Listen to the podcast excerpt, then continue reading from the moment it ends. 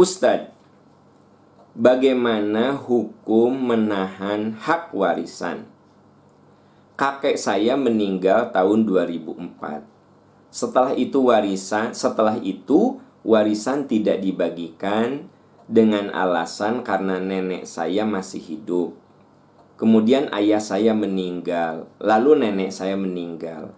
Apakah almarhum saan ayah saya mendapatkan warisan dari kakek saya?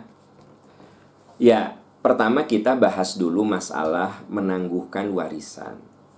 Tolong Bapak Ibu ketahui harta yang ada di genggaman kita itu bukan milik kita itu adalah titipan Allah. Lillahi ma fis samawati wa ma fil ard. Milik Allah apa yang ada di langit dan di bumi. Itu sebabnya seorang muslim wajib membagikan harta warisan dengan cara yang diinginkan oleh pemiliknya, yaitu Allah Subhanahu wa taala.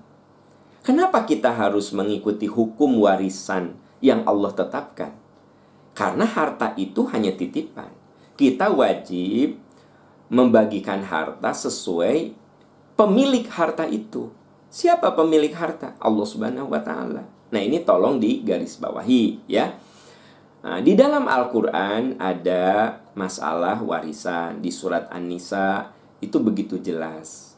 Dan boleh jadi di dunia ini hanya Al-Qur'an yang secara detil membahas tentang bagian-bagian warisan. Anda lihat di surat An-Nisa di awal-awal juga sudah ada di ayat belasan. Coba Anda lihat di situ, ya. Nah, ketika berbicara tentang warisan, Allah menyebutkan tilka hududullah. Itulah aturan-aturan Allah. Jadi ternyata kalau kita punya harta, almarhum punya harta, jangan salah. Itu harta Allah yang harus dibagikan. Nah, oleh sebab itu dimohon Bapak Ibu, kalau pasangan hidup kita meninggal, ya kita harus berinisiatif membagikan harta warisan. Sebab boleh jadi anak-anak tidak mau membahasnya, takut menyinggung perasaan kita.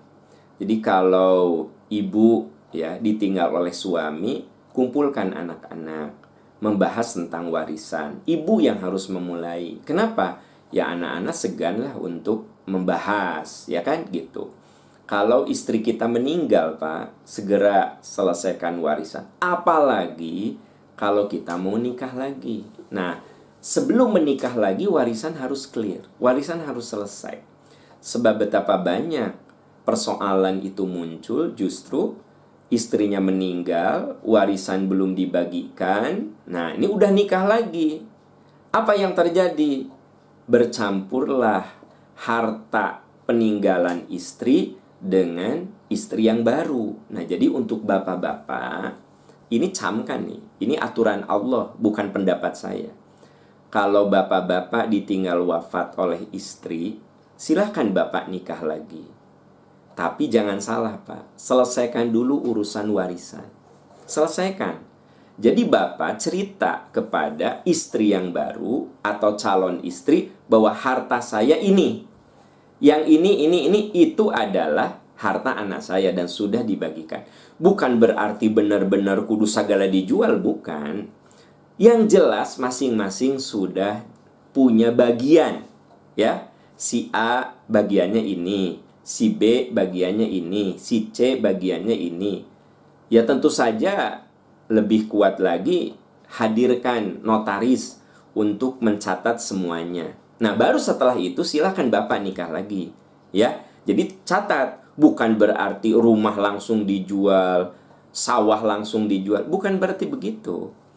Jelaskan dulu bagian-bagiannya, gitu loh. Nah, urusan nanti mau dijual, urusan nanti mau dimiliki bersama, itu lain soal.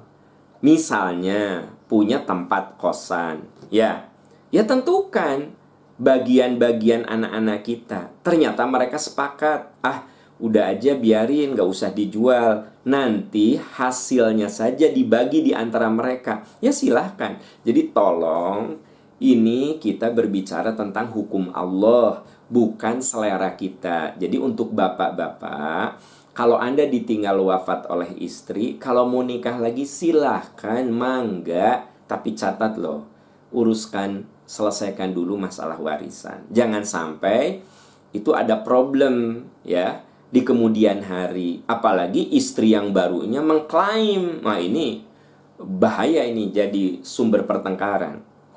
Begitu juga ibu-ibu. Ibu kalau ditinggal wafat oleh suami, Anda mau nikah lagi, catat.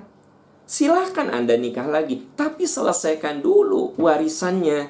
Karena di dalam harta itu ada hak anak-anak. Apalagi anak-anaknya masih kecil-kecil. Kudu dijelaskan siapa dapat apa.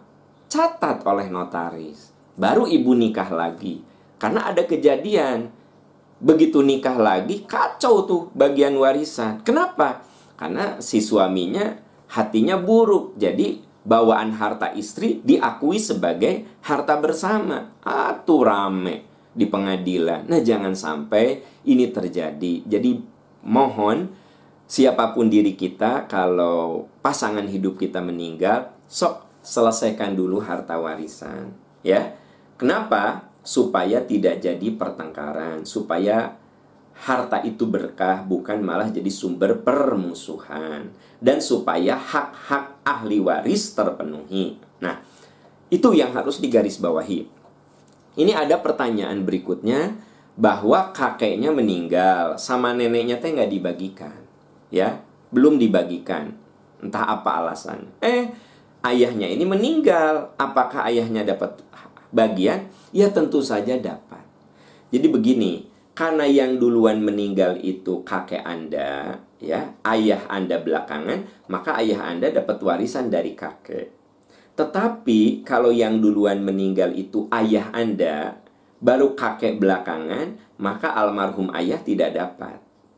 Saya tegaskan ya, karena kasusnya kakek Anda meninggal duluan, kakek Anda meninggal duluan. Nah, sebenarnya ayah Anda tuh punya hak.